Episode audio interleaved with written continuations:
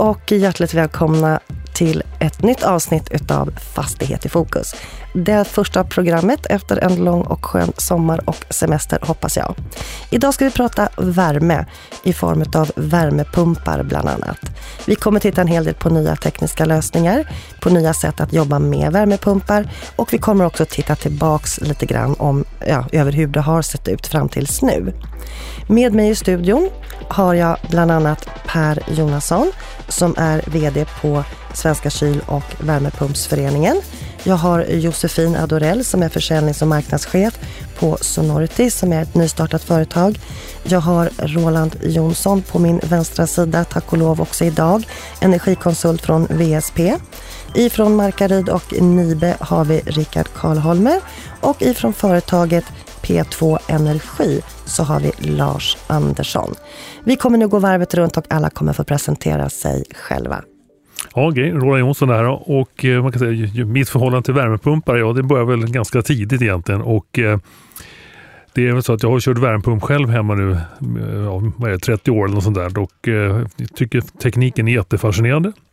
Och hemma så har vi alltid en diskussion om med den äldsta grabben i vilken ordning han lärde sig eh, första orden. Och jag tror att det var pappa, värmepump, mamma. Men frugan tycker att det är mamma, värmepump, pappa. Så att eh, det är inte riktigt klara på det där. Men det var ju någonting som fascinerade väldigt mycket och eh, det har ju även anammats lite grann där. Josefin? Ja, Josefina Dorell, marknadsansvarig på Sonority Sustainable Energy, eller Sonority som vi bara kallar det för. Eh, jag har den stora förmånen att få arbeta med det jag brinner för, och det vill säga nya tekniklösningar och hållbarhet. Och att kunna förändra och förbättra världen. Trevligt och välkommen. Och så har vi Per. Per Jonasson, eh, ansvarar för branschorganisationen Svenska kyl och värmepumpföreningen. Eh, jag har varit kopplad till den här tekniken under hela mitt yrkesverksamma liv skulle jag nog vilja säga, fast på olika sätt. Eh, men nu de senaste sju, åtta åren då, då i branschorganisationen som jag, som jag ansvarar för. Ja, och då tar vi Rickard. Ja, Rickard Karlholmer på Nibe Energy Systems och eh, jag har också jobbat med värmepumpar i väldigt många år sedan jag började på Nibe 1985 och idag är jag Key Account Manager och ansvarar för eh, försäljningen till byggsidan framförallt husfabrikanter men har fingret i många kylpåkar inom värmepumperivärlden. Härligt. Och så har vi Lars. Hej. Ja, jag jobbar på ett företag som heter P2 Energi och som även är delaktig, delägare i. Och egentligen så har jag väl hållit på med kyla, om man säger så, i stort sett hela mitt yrkesverksamma liv. Och eh, även värmepumpar i stor utsträckning. Vad härligt, du ska få utveckla det vidare sen. Jag tänkte att vi skulle börja prata med dig Per lite grann. Eh, de första installationerna av värmepumpar skedde på 80-talet har du berättat för mig här i Sverige. Och i slutet på 90-talet så tog det fart ordentligt och piken nåddes för ett tiotal år sedan. Kan du berätta lite grann om utvecklingen sedan dess? Ja, utvecklingen sedan dess, eh, direkt efter eh, vad ska man säga, den kraschen som var eh, 2008, alltså det var ju globalt inom alla möjliga områden, så sjönk ju försäljningen ganska markant och det, det hade ju med konjunkturen att göra. Eh, och det var också ifrån ett läge där eh, värmepumparna i Sverige framför allt var, var en mogen marknad. Det, det, det mesta utav eh, utbytet ifrån olja och direktverkande el och sånt där var gjort. Så att efter det så har, har marknaden återhämtat sig och nu kan man säga att till stora delar så följer man byggkonjunkturen. Eh, tillsammans med eh, att utbytesmarknaden börjar komma nu. Det vill säga alltså, värmepumpar som eh, installerades på 90-talet, de börjar nu att bli så gamla så att de ska bytas ut och eh, det är också eh, börjar bli en, en större eh, andel värmepumpar som kommer därifrån. Vi ser att eh, Eh, Eh, man är väldigt trogen tekniken. Så har man en gång installerat en värmepump så eh, vill man fortsätta med den tekniken. Det är inte så att man går bort ifrån det till pellets eller till fjärrvärme eller någonting sånt. Utan de dominerande eh, områdena för installation av värmepumpar i dagsläget, det är dels nybyggnationen och det är utbytesmarknaden. Och då pratar du enfamiljshus eller pratar, pratar du flerfamiljshus? Då pratar jag enfamiljshus. Hur ser det ut på när det gäller flerfamiljshus? Ja, där är ju fjärrvärmen är ju dominerande. Jag skulle säga att eh, på uppvärmningssidan så, så ligger man nästan uppåt 85-90 procent. Eh, som har fjärrvärme. Eh, så att värme, men, men utvecklingen för värmepumpar där är väldigt positiv, fast i små antal. Eh, men vi har en ökning eh, på årsbasis på någonstans runt 30 procent faktiskt i, i eh, nya installationer från år till år. Och där är det inte så mycket nyinstallationer utan där är det i befintlig bebyggelse där man väljer att ofta gå ifrån fjärrvärme då till värmepumpar. Vill... I samband med de här energirenoveringar och rotorrenovering och sånt där? Eller? Ja, dels det, men även även eh, alltså, helt fritt att man bestämmer sig för att vi vill, vi vill eh, vara herre över vår uppvärmningsform. Vi vill kunna eh, planera, vi vill kunna, alltså, energibesparande åtgärder ska löna sig på, på, på notan helt enkelt för, för de som bor där. Så det är mycket bostadsrättsföreningar och fastighetsägare, mindre fastighetsägare som byter till värmepumpar. Okej. Eh, Roland, jag tänkte höra med dig. Eh, när det gäller, alltså du berättade själv att du hade haft värmepump i 30 år. Vad kan, vad kan du se utifrån din, din horisont, du som representerar ett, ett konsultföretag i det här läget? Liksom, hur, vad, vad, har du för, hur tänker du på framtiden där? Vad, vad tror du kommer hända med värmepumpsmarknaden? Kommer den att fortsätta växa? Ja, alltså det som är nu då, som, det är att på elnätssidan, alltså för att distribuera elen, har man haft ganska häftiga höjningar på alltså just själva överföringen. Och det här ger då en, eh, kanske en annan styrstrategi hur man ska köra värmepumpen. Ska man köra en sommartid? Ska man köra en vintertid?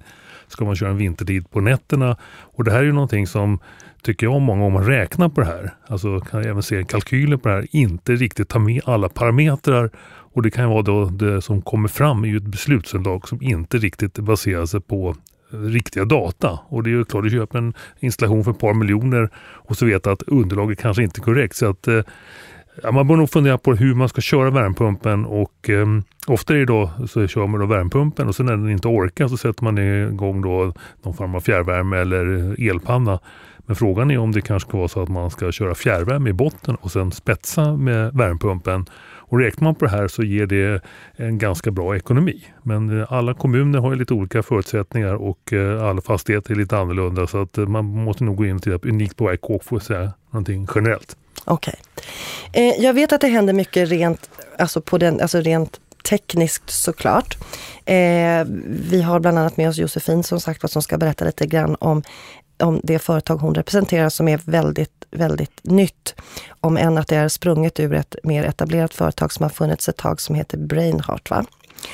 Eh, du kanske kan berätta lite grann om hur, hur ni jobbar och vilka, vad ni står inför just nu och vad som skiljer er lite grann. Mm, vi på Sonority vi ska effektivisera och industrialisera energilösningar när det gäller bergvärme till större fastigheter. Eh, och det gör vi genom att vi har tagit fram eh, smart och genomtänkt koncept eh, där man slipper uppfinna hjulet varje gång man går in i en större fastighet. Och den lösningen kallar vi för Energy in a box. Ehm, och i boxen så döljer sig faktiskt en hel värmecentral. Ehm, så, så, där har man en box som till storlek påminner om en container. Men sen är den förpackad i, en, ehm, i ett väderskydd som, som gör att det ser ut ungefär som en friggebod på utsidan. Eh, och den kan då placeras utanför byggnaden som gör att om man har eh, trånga utrymmen så, så kan man då placera den här utanför på en gräsyta eller, eller dylikt och koppla ihop med, ehm, med huset eller husen. Ehm, så det skapar större möjligheter att antingen ha det här utanför eller bygga in beroende på hur mycket plats man har.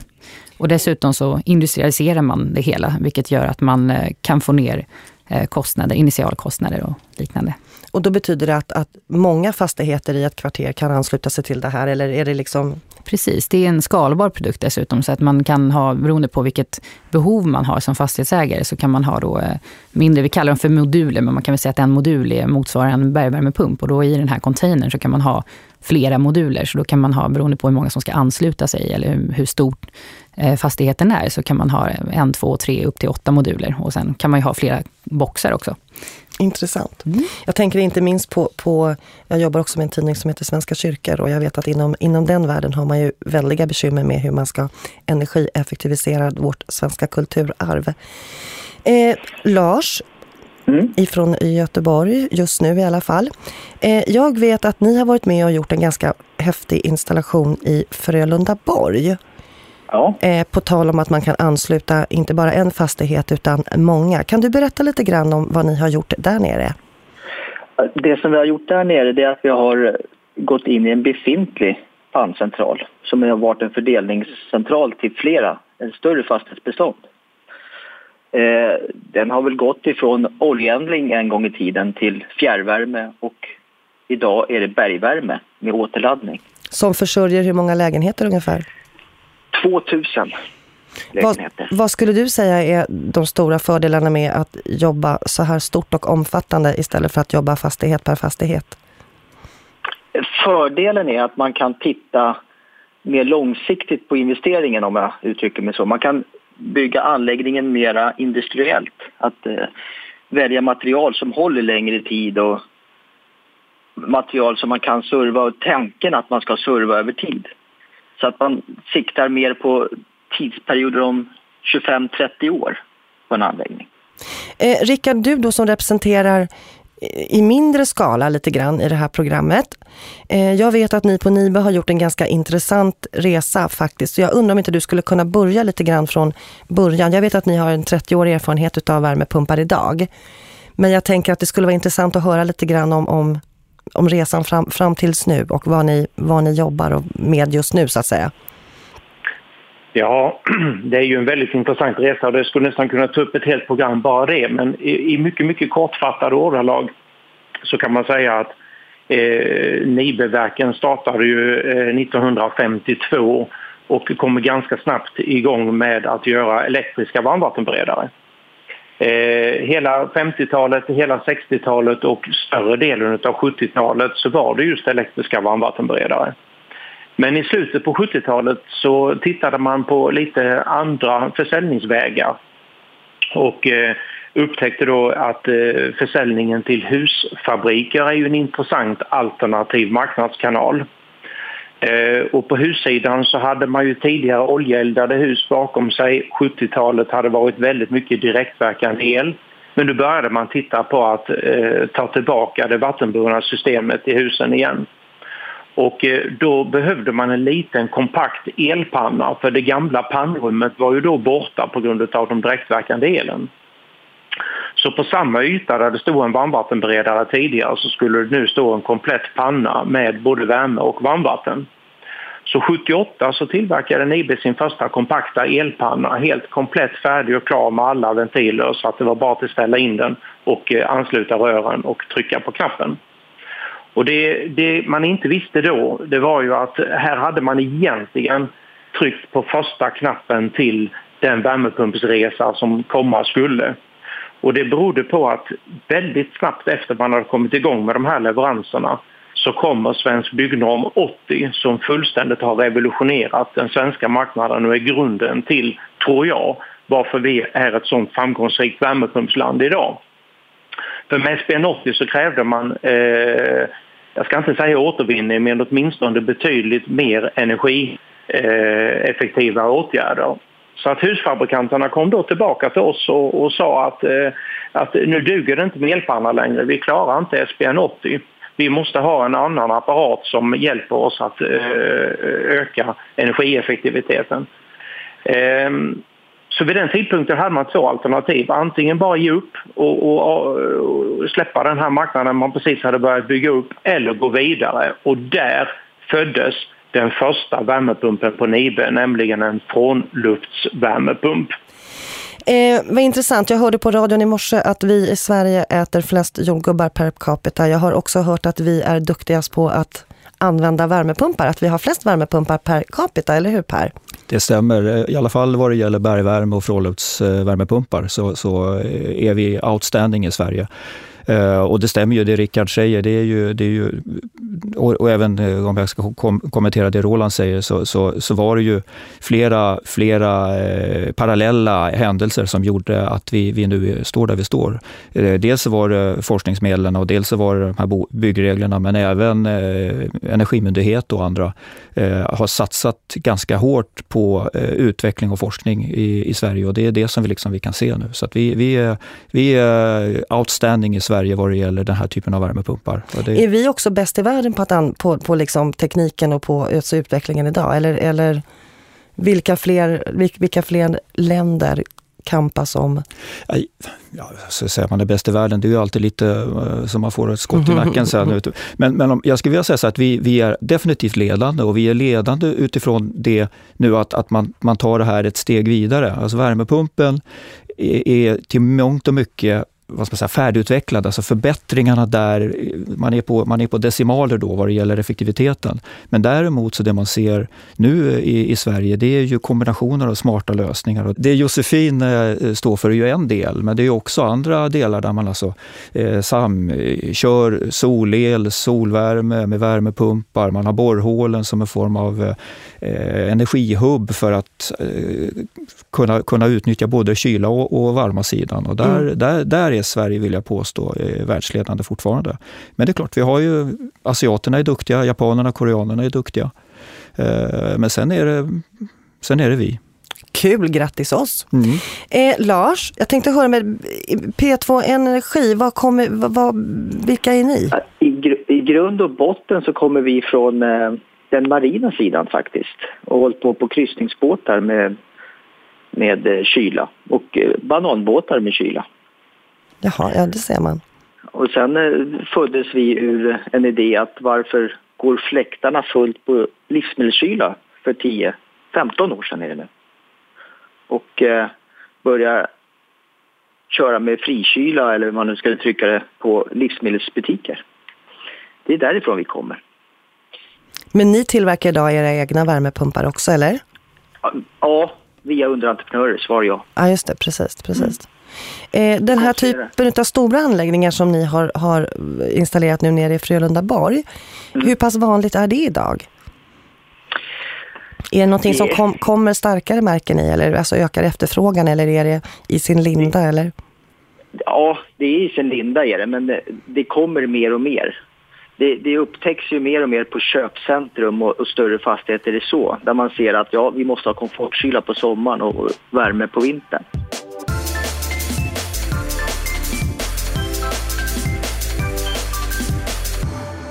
Josefin, jag tänkte bjuda in dig i samtalet. Kan du berätta lite grann om Brainheart och tankarna kring det nya bolaget och ja, Precis. Brainheart Energy-koncernen grundades av Ulf Jonströmer som på 70-talet, början på 70-talet grundade ett eh, programföretag som heter AU Systems, eller system.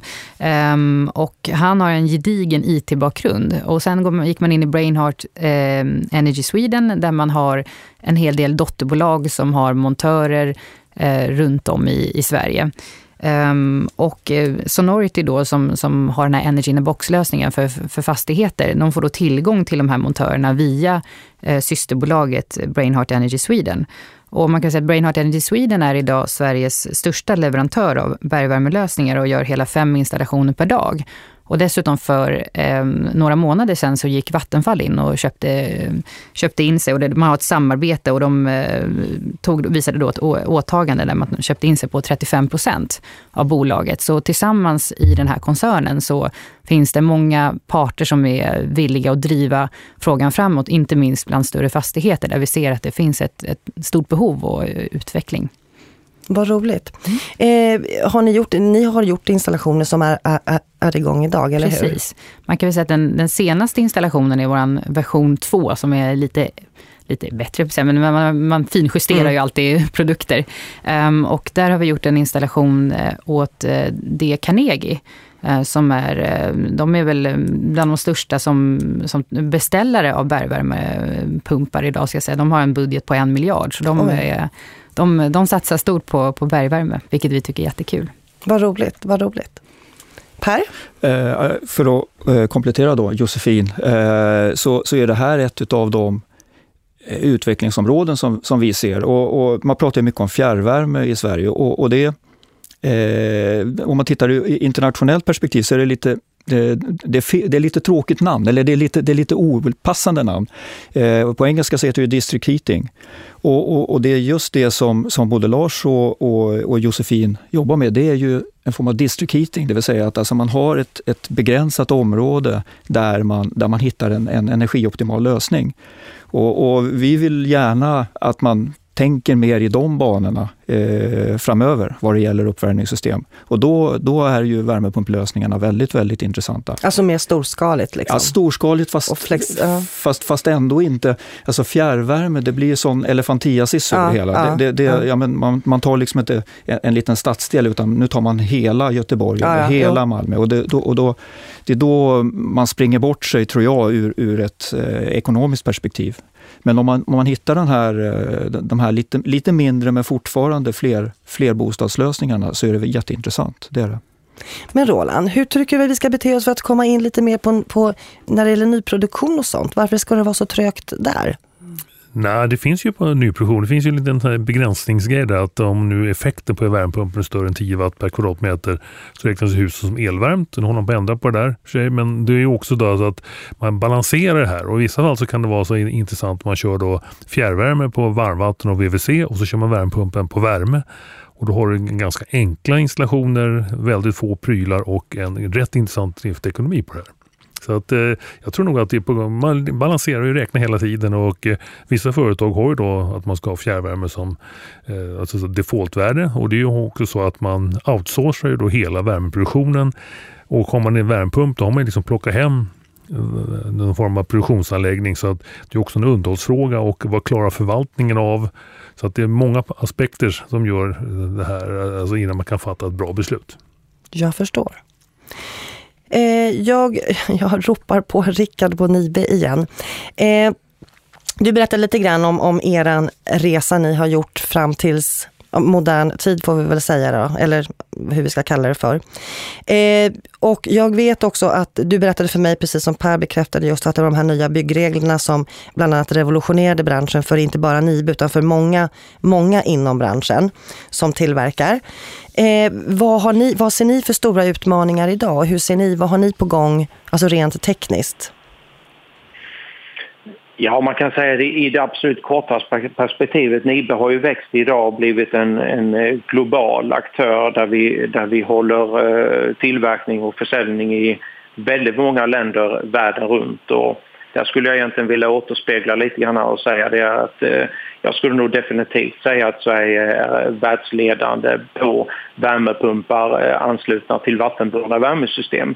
När man åker runt och tittar på våra, våra anläggningar som vi har köpt upp och där vi har tillverkning och så vidare så tycker vi ju från svenskt håll då att eh, man är ofta eh, kanske tio år efter i, i, teknikutvecklingen mot vad vi har här. Så det är klart att ur den tekniska synvinkeln så känner vi ju att vi verkligen kan bidra med huvudkontoret i Sverige och ett börsnoterat svenskt bolag. Att vi kan sprida vad ska man säga, den svenska tekniknivån över till andra länder så att de, de kommer ifatt. Inte minst har vi blivit eh, den största spelaren borta i USA. Och där finns eh, väldigt mycket att göra för både tekniken och för den amerikanska marknaden som helhet. När du pratar vi, då pratar du utifrån Nibes perspektiv eller pratar du svenska, svenska värmepumpslösningar generellt? Ja, jag skulle nog vilja säga att eh, tekniknivån i Sverige är generellt väldigt hög oavsett fabrikat. Eh, men det är klart, i och med att vi äger anläggningar där borta så har vi ju lättare för att eh, kunna gå in och styra eh, och eh, den här biten. Men det är ju den rent tekniska biten. Det är nog inte den stora utmaningen. Den stora utmaningen är ju att få länder som idag inte är speciellt värmepumpspositiva utan eh, eldas med, med fossila bränslen. Och, och, och att verkligen inte bara att politiker står och, och eh, talar om att det ska bli fossilfritt och, och det ska dras ner på, på, på gas och olja utan att man verkligen går hem och gör det och inte bara pratar om det. Det är också intressant just att det ska vara så trögt. För jag tänker, du berättade för mig tidigare, jag tror att det var du som berättade det, att om vi tittar på stora länder så som England och Tyskland och så som vi ändå har, har nära in på oss. Så i England byter man varje år ut 1,6 miljoner gaspannor mot 1,6 miljoner nya gaspannor. Och i Tyskland så är det, använder man sig av 10 procent bara förnyelsebar energi och använder sig ändå sig av fossila bränslen, bränslen de återstående 90 procenten. Och då kan man ändå tänka och tycka att det är ju jäkligt märkligt kan, alltså, i modern tid. De borde väl ändå veta bättre. Och hur ska vi kunna nå ut med våra lösningar och våra tankar för att faktiskt påverka och göra skillnad? Är det någon som har något? Tänk nu vart det alldeles tyst. Ja, Per har någonting. Ja, ja, det vet jag. Jag kan ju försöka i alla fall. Eh, trenden är ju igång. Alltså det, har ju, det, har, det, det har börjat att rulla, rulla på, även om det då i vissa länder går långsammare än vad det borde göra. Men vi ser ju att till exempel i Frankrike, så, så det är ju det land där det, där det installeras flest värmepumpar nu. Så de har, de har, verkligen, har verkligen lyft sig och vi ser eh, andra länder runt omkring oss i Norden, Finland börjar komma upp. Eh, Danmark är alltid problem eh, och Norge också, men, men det, det är på gång. Och, och jag tror att det, de behöver vänja sig vid tekniken. Om vi tar Tyskland till exempel, så är det ju väldigt mycket gas där. Men, men där börjar man ju jobba med alltså hybrider mellan en värmepump och en gaspanna och det tror jag är första steget för dem att vänja sig vid tekniken. Att nästa steg så kommer de att tänka, varför ska vi ha gasen till? Vi har ju värmepumpen som fungerar. Så trenden är positiv, men, men jag kan nog hålla med Rickard att, att uh, det går lite långsamt. Ja men verkligen, om vi har varit duktiga så länge tänker jag så är det lite trögt. Roland, du ville kommentera någonting här? Eller? Ja, ja precis, utan det är när vi tittar tillbaka lite grann så det här eh, som vi nämnde förut, SBN 80, alltså byggreglerna som kom på och, och, runt 80 där. Då så är det så att då har man också föreskrivit att det ska vara lågtemperaturvärmesystem. Och det här gör att det är jättegynnsamt för värmepumpar att jobba eftersom att desto lägre temperatur värmepumpen jobbar med desto bättre värmefaktor får man. Alltså om man stoppar in en kilowatt så får man ut då 2, 3, 4 eller 5 beroende på hur man kör dem. Då. Och, men ser man nya hus nu som eh, är väldigt bra isolerade. Då är värmeandelen väldigt liten men varmvattenandelen är fortfarande väldigt stor. Och Det innebär alltså att eh, även om värmepumparna blir bättre så är det svårt att få höga värmefaktorer med välisolerade hus. Så det är jättemycket parametrar att balansera med här. Plus att elpriset, vad händer med det? Det kommer ju enligt Energimyndigheten vara stabilt nu kanske tio år framåt. Men det kommer vara stora svängningar på elpriset. Så det här också hänger ihop med hur man styr det här. Men eh, det gäller ju liksom att tänka till. Alltså vad är det för system vi ska ha? Vad, är för, hur, vad ska värmepumpen göra? Och vad kan vi göra för att värmepumpen ska få låga temperaturer att jobba med? Och det gör ju det här att en rätt installerad anläggning går i värmepumpen jättebra och jobbar med låga tryck och låga temperaturer då så får man också lång livslängd. Så att det är många mm. parametrar att balansera där. Så att det, det är, svaret är inte helt lätt vilken lösning som är bäst. Utan man får tänka till hur anläggningen är och sen får man skapa någonting efter det. Och framförallt så är det vilka mål har man Eh, det här? Är det så att man ska minska mängden köpt energi, man ska minska kostnaden eller man ska minska miljöbelastningen? Och beroende på vad man väljer så kan det här bli olika lösningar. Lars, eh, hur, hur, vad märker ni för intresse kring era de här stora, stora anläggningarna och det sättet att jobba? Ja, framförallt om man Titta på det som eh, jag tror att Roland har varit inne och, och, och, och pratat om lite försiktigt och det är ju det här med att värmepumpar idag är ju ändå dimensionerade till oftast till 60-70 procent av energikost, energitäckningen så att säga på en fastighet. Eh, sen eh, pratar Roland om att, att växla från att köra fjärrvärme till exempel på grunden och värmepump på toppen. Det, så har jag faktiskt inte tänkt riktigt än, men jag får börja tänka så. Men eh, jag tror att man måste titta på hur ska vi tänka i framtiden på e- toppeffekter och sådana saker, alltså effekterna man måste stoppa in. Eh, lösningarna tror jag i framtiden på något vis måste bli 100% effekttäckning. Och de här sista delen är ju väldigt dyr att hantera. Det ska aldrig gå men det ska ändå finnas där. Och där är det ju en, en, en del att komma vidare på och hitta på lösningar och utnyttja allt spill som finns. Det tror jag är... Alltså komma ifrån att det inte blir en... Spetsen kommer från fjärrvärmen eller ifrån elkabeln. För det är det som kommer kosta pengar i framtiden. Mm. Roland?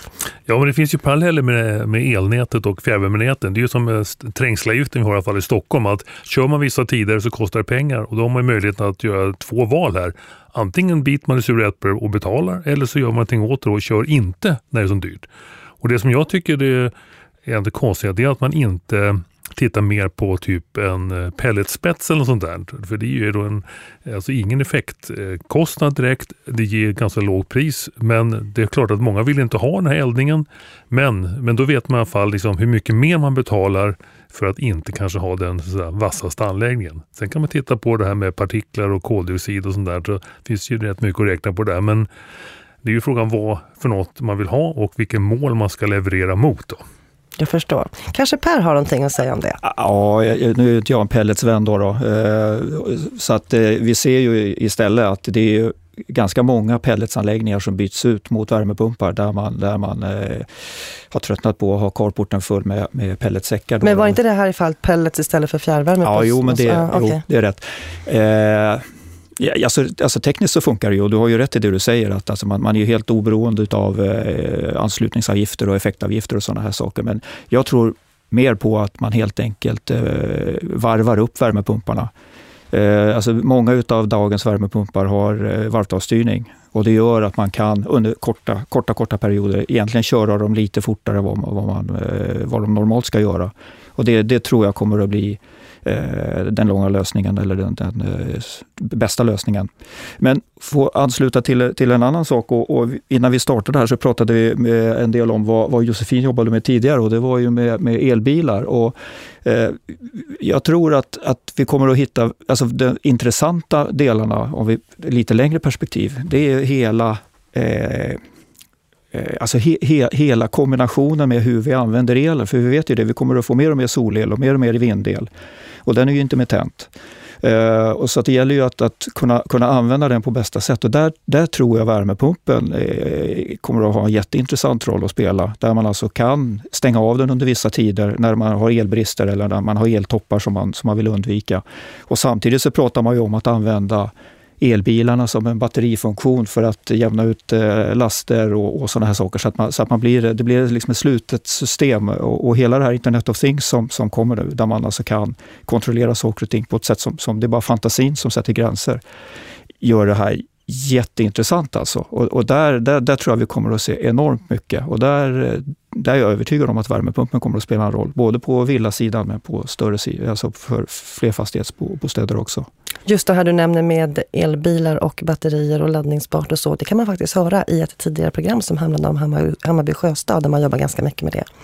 Josefin? Ja, Nej, men jag, jag håller helt med. Just eh, kapa effektsopparna är ju otroligt viktigt, oavsett teknik man väljer sen att göra det med. Jag ser ju gärna att man, att man tar in förnybart och batterilagring och annat. Sen har vi en diskussion om det tidigare, hur, huruvida det är möjligt eller inte, men där får man ju se. Och det, det är lite också det som är väldigt kul med Sonority och vår IT-bakgrund som vi har, att just titta på hur man effektiviserar system och vad man kan göra för att optimera det hela.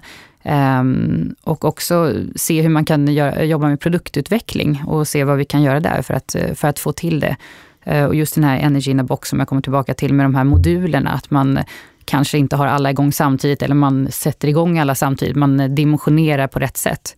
Och där kommer ju, vi pratade väldigt mycket om tidigare, Roland, om, om hur viktigt det är att kunna räkna rätt. Och det är också någonting som jag tror är, kommer vara väldigt viktigt framöver. Mm. Inte minst för större beställare där det är så många fler bostäder som, um, som, uh, som påverkas av detta. Att, att vi har bra möjligheter att, att räkna på det hela och få någonting som, som som liknar verkligheten mycket bättre och där man tar in flera parametrar från elbolagen och fjärrvärme och allting och kunna göra en ordentlig uträkning. Det är nog A och O, skulle jag säga, i det här.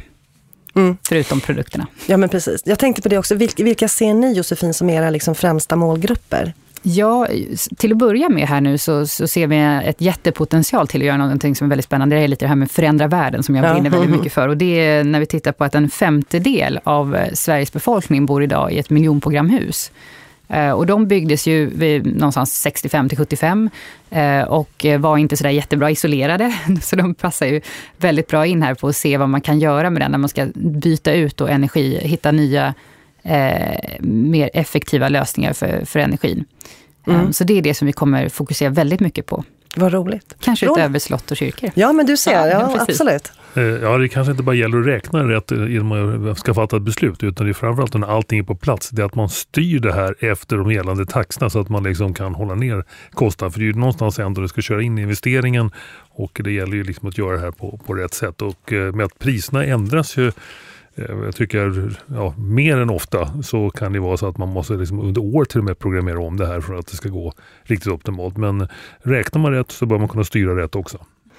Eh, jag måste fråga en sak, jag kanske är lite korkad, men, men jag tänker, vad är det som gör att det är så svårt att få alltså, alltså värmepumpen att räcka hela sträckan ut? Vad är det som gör, jag kan förstå att man behöver mer alltså el olika tider på, eller mer energi olika tider på året, olika tider på dygnet och hej och hå sådär. Det kan jag förstå. Men jag tänker att kan man inte få till värmepumpen så att den klarar sig, så att den liksom kan producera och, och spara sin egen någonting Per? Jag vet inte. Eh, jo, men självklart kan man det. Eh, om du har en bergvärmepump, det är bara frågan om hur djupt hål du borrar och hur stor maskin du stoppar in. Så det, det är absolut inga problem. Eh, det här kommer sig av eh, historiskt hur man har gjort installationerna. Att, eh, du har ju alltså effektbehovet på, på, på ett hus. Då har du ju några få dagar när det är riktigt kallt och du behöver den här effekten. Men, men eh, Går du ner till till exempel 70 procent av det här behovet, eh, då täcker du in nästan hela året. Så att det här är ett tekniskt, alltså ett tekniskt ekonomisk situation, att man ville inte överinvestera i värmepumplösningen. Man ville inte borra djupare än vad man var eh, tvungen till. Och, och tidigare så var elen förhållandevis billig och, och eh, det var liksom inga, inga, man såg inga problem med det, utan man ville ha att värmepumpen skulle gå långa tider. Den skulle inte vad ska man säga, slit, slita eh, ont i onödan. Men, men alltså en bergvärmepump, det kan du absolut stoppa in eh, eller dimensionera så att den klarar 100 procent. Och det är det man gör i dagsläget nu. Mm. Det, det, är det som... som eh, ja, då slipper man både fjärrvärme och pellets och hela skriverivitten. Ja, men precis, precis. Hur jobbar ni där, Lars, får jag fråga dig? Kör ni, har, ni hund, har ni också spets fjärrvärme vi, på toppen? Vi eh, har, ja, i det projektet som vi pratar Frölunda-Borg så är det fjärrvärmespets, var jag. Men, och där kör vi även återladdning till borrhålen via fjärrvärme. Men det är ju en ren, som vi säger, ekonomisk och hur man hanterar taxer. Så det kan ju ändra sig väldigt fort. Eh, vi har ett annat projekt, visst, vi kör projekt med 100% effekttäckning. Men det är ju, det är ju den här hela tiden den här balansen mellan vad saker och ting kostar. Det är ju fortfarande så att det är ju, när vi pratar energitäckning 60-70% så har vi en effekttäckning på 50 och det är ju liksom, vi ska ha lika mycket värmepump till ur ett Själva värmepumpen i sig, att göra den stor, det är väl inte ett problem.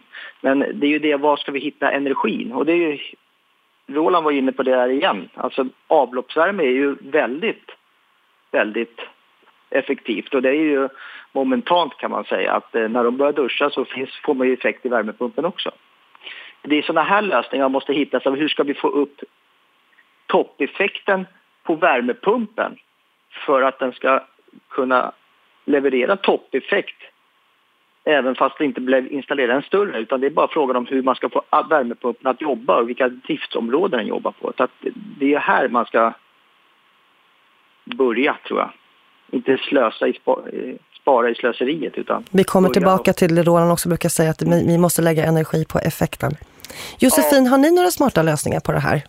På topp, toppar och spetsar och Ja, men vi har ju upp till 100% effekttäckning. Det har vi. Var precis som Lars sa, att, att det är ju en frågan om, om ekonomi och, och hur, hur mycket man vill gå upp till. Men målet är alltid att ha 100% effekttäckning med vår Energy in a box.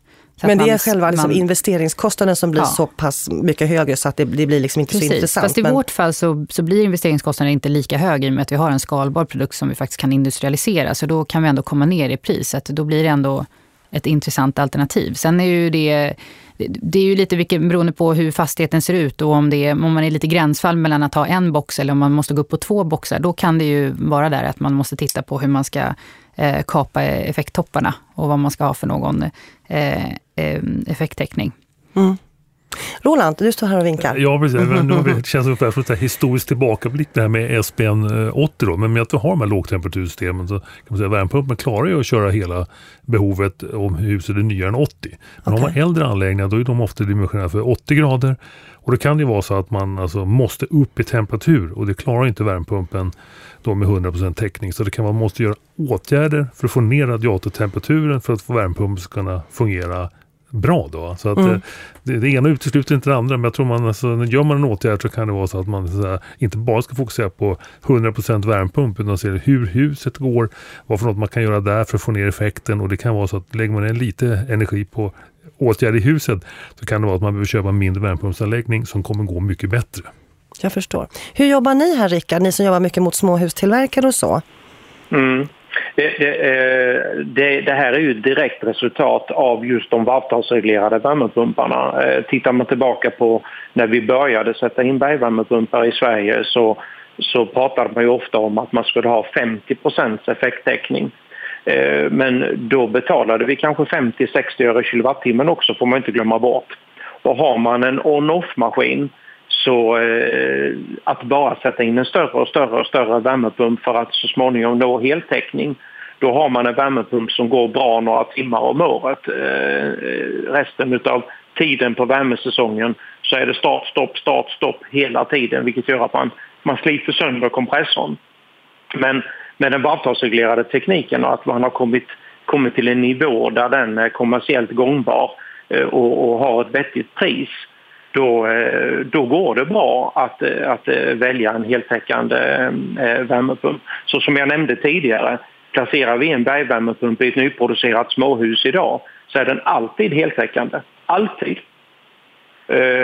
Däremot i de kommersiella sammanhangen där blir det ofta väldigt, väldigt dyrt att dimensionera ända upp till 100 täckning. De sista värmepumps eller kompressorerna där uppe de har ju väldigt, väldigt dålig återbetalning. Men där handlar det återigen om vad är alternativet och då kan man inte generalisera på samma sätt för de stora fastigheterna som de små.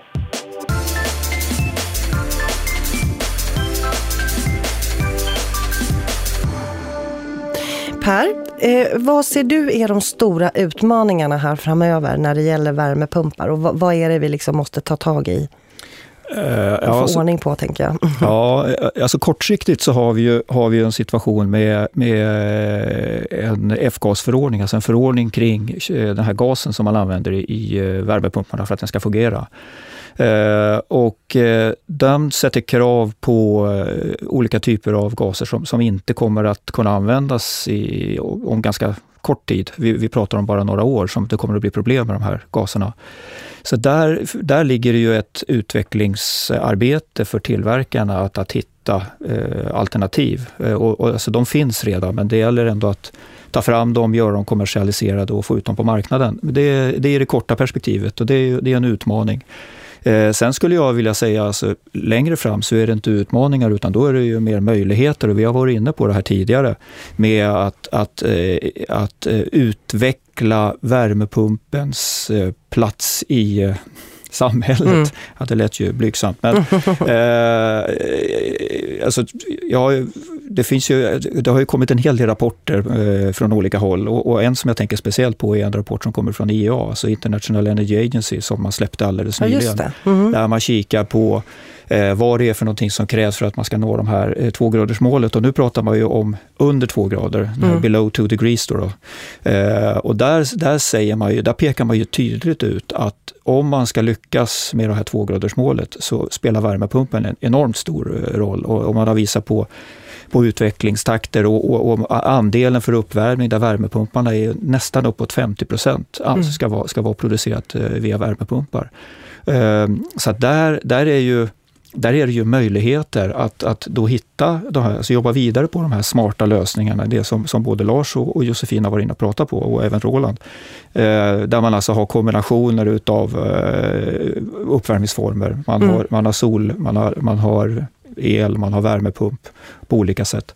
Det är, eh, så att, så att jag, jag ser bara positiva saker eh, i utmaningarna. Mm. Och, och, i utmaningen ligger det inte också där just att vi ska kunna liksom nå ut med större kraft och kunna få Tyskland och England och alla dem att liksom... Men det är ju Rickards sak att fixa så att det är väl inga problem. Eller hur Rickard? Jo, jag satt och tänkte det när jag anställdes en gång i tiden så hade jag väl ungefär 200 jobbarkompisar. Idag har jag ungefär 14 000 arbetskamrater. Eh, och, och, den resan tänker vi fortsätta och att utnyttja att vi har blivit en global spelare att även kunna trycka på i, i politikerkorridorerna så att eh, vi kommer framåt. Och Sverige är och förblir en jättefin mogen marknad. Vi kan göra mer här. Men de stora möjligheterna eh, finns ju i, i andra länder. Det, vi, vi, det är ändlöst egentligen vilka möjligheter svensk industri har eh, på, på andra länder. Härligt. Roland? Ja, jag har en fråga till Lars här. Alltså, jag tänker just Göteborg, de är ju kända för att ha väldigt låga fjärrvärmepriser sommartid. Och eh, då kan man tänka sig om man nu kör värmepump sommartid istället för fjärrvärmen så kommer det bli dyrare driftsätt men på pappret så köper man mindre mängd kilowattimmar. Hur, vilken styrstrategi har ni? Vi kör inte på sommaren Nej. när de har låg taxa utan eh, då kör vi återladdning via fjärrvärmen och får returtemperaturer på i storleksordningen 20-18 grader. Och eh, på så sätt så får vi tillbaks pengar från fjärrvärmebolaget i form av att vi har så fina låga returtemperaturer så att då blir den energin gratis. Men det är ren taxahantering. Mm. Vi går vidare till rundan med utmaningar och Josefin, hur, vad ser ni för utmaningar? Men jag skulle vilja säga som, som, som Per sa, att det är mer eh, möjligheter än utmaningar. Um, jag säger alltid, jag säger alltid möjligheter och inte Ja, är utmaningar. Ja, är så, så, precis. Så, så möjligheterna är ju att få med alla större fastighetsägare på det här tåget. Um, villamarknaden är ju väl etablerad, så att det är superspännande att få gå in och jobba med, med större fastigheter och ta fram produkter som verkligen eh, blir skräddarsydda för dem, men som ändå eh, är lätta att skala upp och, och som eh, lätta att industrialisera, så att man inte får, behöver ja, uppfinna hjulet igen, som jag sagt tidigare. Men, um, så det, det, det är jättespännande. Sen är jag jättesugen på att uh, åka utomlands, eller på att säga, men jag tycker vi ska ta med vårt duktiga svenska kunnande och vara stolta över att vi, vi har så mycket bra Eh, dels teknikutveckling, och, men också produkter och, och kunniga människor inom branschen och, och eh, visa att det här är möjligt, inte bara på villamarknaden, men på fastighetsmarknaden och sen bara exportera det helt, helt enkelt. Göra bergvärmen till eh, Sveriges största export kanske. Ja men såklart, som Ja. sagt, hur svårt ska det kunna vara? Ja. Eh, du pratade också förut om miljonprogrammet, men jag antar att Ja. ni jobbar också mot nyproduktion. Precis, men, men i det här fallet så ser vi att det finns ett jättepotential och det, det är så otroligt mycket att göra inom miljonprogrammen. Och sen eh, när det gäller nyproduktion så är det ganska etablerat om man tittar på lagar och regler för hur man ska bygga i nyproduktion och med, med eh, smarta hus och, och eh, vad heter de här husen som är som noll energi, vad heter de? Eh, Passivhus och Passiva hus, precis. Ja. Passiva hus och annat. Så att det finns ju mycket, där tror jag man har en medvetenhet på ett annat sätt och man har ett tänk redan från början. Ehm, och, och I de här fallen när det gäller befintliga fastigheter så, så är det kanske ett större frågetecken och där är det också, blir det lite mer komplicerat där man får, får räkna på det en gång till. Och där tror vi att vi kan göra en, en där vi kan ha en stor påverkan och komma in på den marknaden. Så, så det fokuserar vi på. Per emellan här. Eh, Jag tänkte bara komplettera det, det du pratade om med eh, eh, miljonprogrammet. Eh, vi försöker att få, få igång en diskussion kring vad som är bäst att göra först. Eh, för det, är- det är väldigt många som säger att ja, men man ska gå på huset och så ska man jobba med skalet, man ska se till att man isolerar och byter fönster och investerar en massa saker. Och sen så skulle man kunna titta på uppvärmningsformen med värmepump. Eh, vi skulle gärna vilja att man kunde få igång en diskussion kring det där ja, om inte annat så titta på alternativet. Att varför inte stoppa in en värmepump först? Eh, få ner eh, uppvärmningskostnaderna, spara pengar som gör att man, man frigör medel så att man sen kan komplettera med eh, isolering och, och vad det nu må vara för någonting. Eh, det, jag säger inte att det alltid ska vara så, men det skulle, jag tycker att det är en, en intressant sätt att se på frågeställningen. Att investera för att spara pengar för att sen kunna göra ytterligare åtgärder. Eh, Lars, vad ser du för möjligheter, om vi nu ska använda det ordet istället som ett mer positivt laddat ord. Vad ser du för möjligheter för framtiden? Ja, jag tror att man ska... Möjligheter, ja. eh, Jag skulle säga så här att man kanske ska börja vända sig om och vi tittar väldigt mycket nu på teknik och hur man kan lösa och så vidare och vi pratar taxer och, och sådana saker. Om vi då vänder oss och så sätter vi oss i, i beställarens stol som håller i pengar och förvaltar en fastighet och hur ska vi göra det, livet tryggare för dem? Det tror jag är en sak. För det är väldigt mycket teknik och mycket sådana här saker som de ska ta ställning till rent ekonomiskt. Hur ska vi göra affären? Det kan man också vända på och titta. Det tror jag är en stor möjlighet. Egentligen i form av gå som kanske färdig värme eller något liknande sånt och ta på sig ansvaret hela vägen. Roland hade någon, någon tanke kring detta? Ja, men vi har ju jobbat tidigare jobbat på, på HSB och tittat lite grann på det här med olika lösningar och då tog vi upp eh, alternativet färdig värme med, med ett par leverantörer men sen var det ganska tyst på telefon så jag tror att inte alla är så jättemogna för det än. Nej, absolut inte. Men det är ju det, är ju det som att om inte man är mogen för det då, då har man inte riktigt rätt kalkyler i botten heller, måste man väl ändå säga. Ja, det stämmer, stämmer. Okej, då Rickard, vad ser ni för möjligheter? Ja, när det gäller nyproduktion av hus eh, så ehm, var Josefin inne på det lite tidigare också här att det är ju så väldigt styrt av eh, de byggreglerna som är uppsatta. Så att där kommer nästan ekonomiska incitament i andra hand. Eh, och nu ser vi också nya byggregler som eh, blommar upp här till 2021 som eh, som är då antingen utmaning eller möjligheter beroende på vad det blir utav det. Där har ju vi en oerhörd dominans framförallt på, på villor och den sidan. Så för vår, vår del Eh, i det någorlunda nära perspektivet så eh, är det ju de kommersiella fastigheterna och eh, vi har ju lite ödmjukt nu gett oss in i ventilationssidan också på lite kommersiella större fastigheter i och med att vi förvärvade Göteborgsägda företaget Airsight. Så då, då, är det kombinationen av ventilation, ventilationsåtervinning med värmepumpsteknik. Men framförallt att komma in också i de ytterligare större anläggningarna med kanske kompressorer på en, en eh, 1000 kilowatt någonting i den stilen och framåt och eh, inkludera även kyla.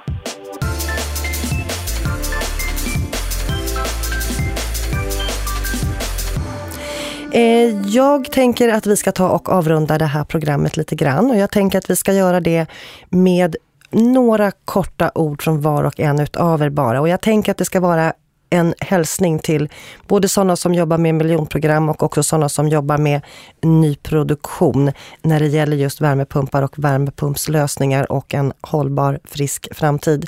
Och vi börjar med dig Per. Tack för det. eh, då skulle jag vilja skicka eh, hälsningen att eh, när man tittar på energi och uppvärmning och, eller klimatisering så, så är det mångfald som gäller. Eh, jag, jag hävdar med en fas att det är mångfalden som kommer att lösa problemen, inte enfald. Och med det menar jag att man måste titta på de olika alternativen som finns. Det är inte en teknisk lösning som alltid fungerar. Det finns vissa eh, som påstår det, att, att just deras lösning är den bästa överallt jämt, ständigt. Eh, så är det inte, utan det är mångfalden som kommer att, lösa de här delarna. Och, och ser man på det utifrån det perspektivet så kommer värmepumptekniken att ha en absolut eh, bra plats där, för att den är, den är viktig för att man ska nå alla miljömål som är uppsatta. Det blir lite grann av ena där vi står, sönder där vi falla. Josefin? Oj, svårt att ta, ta vid dina fina ord där.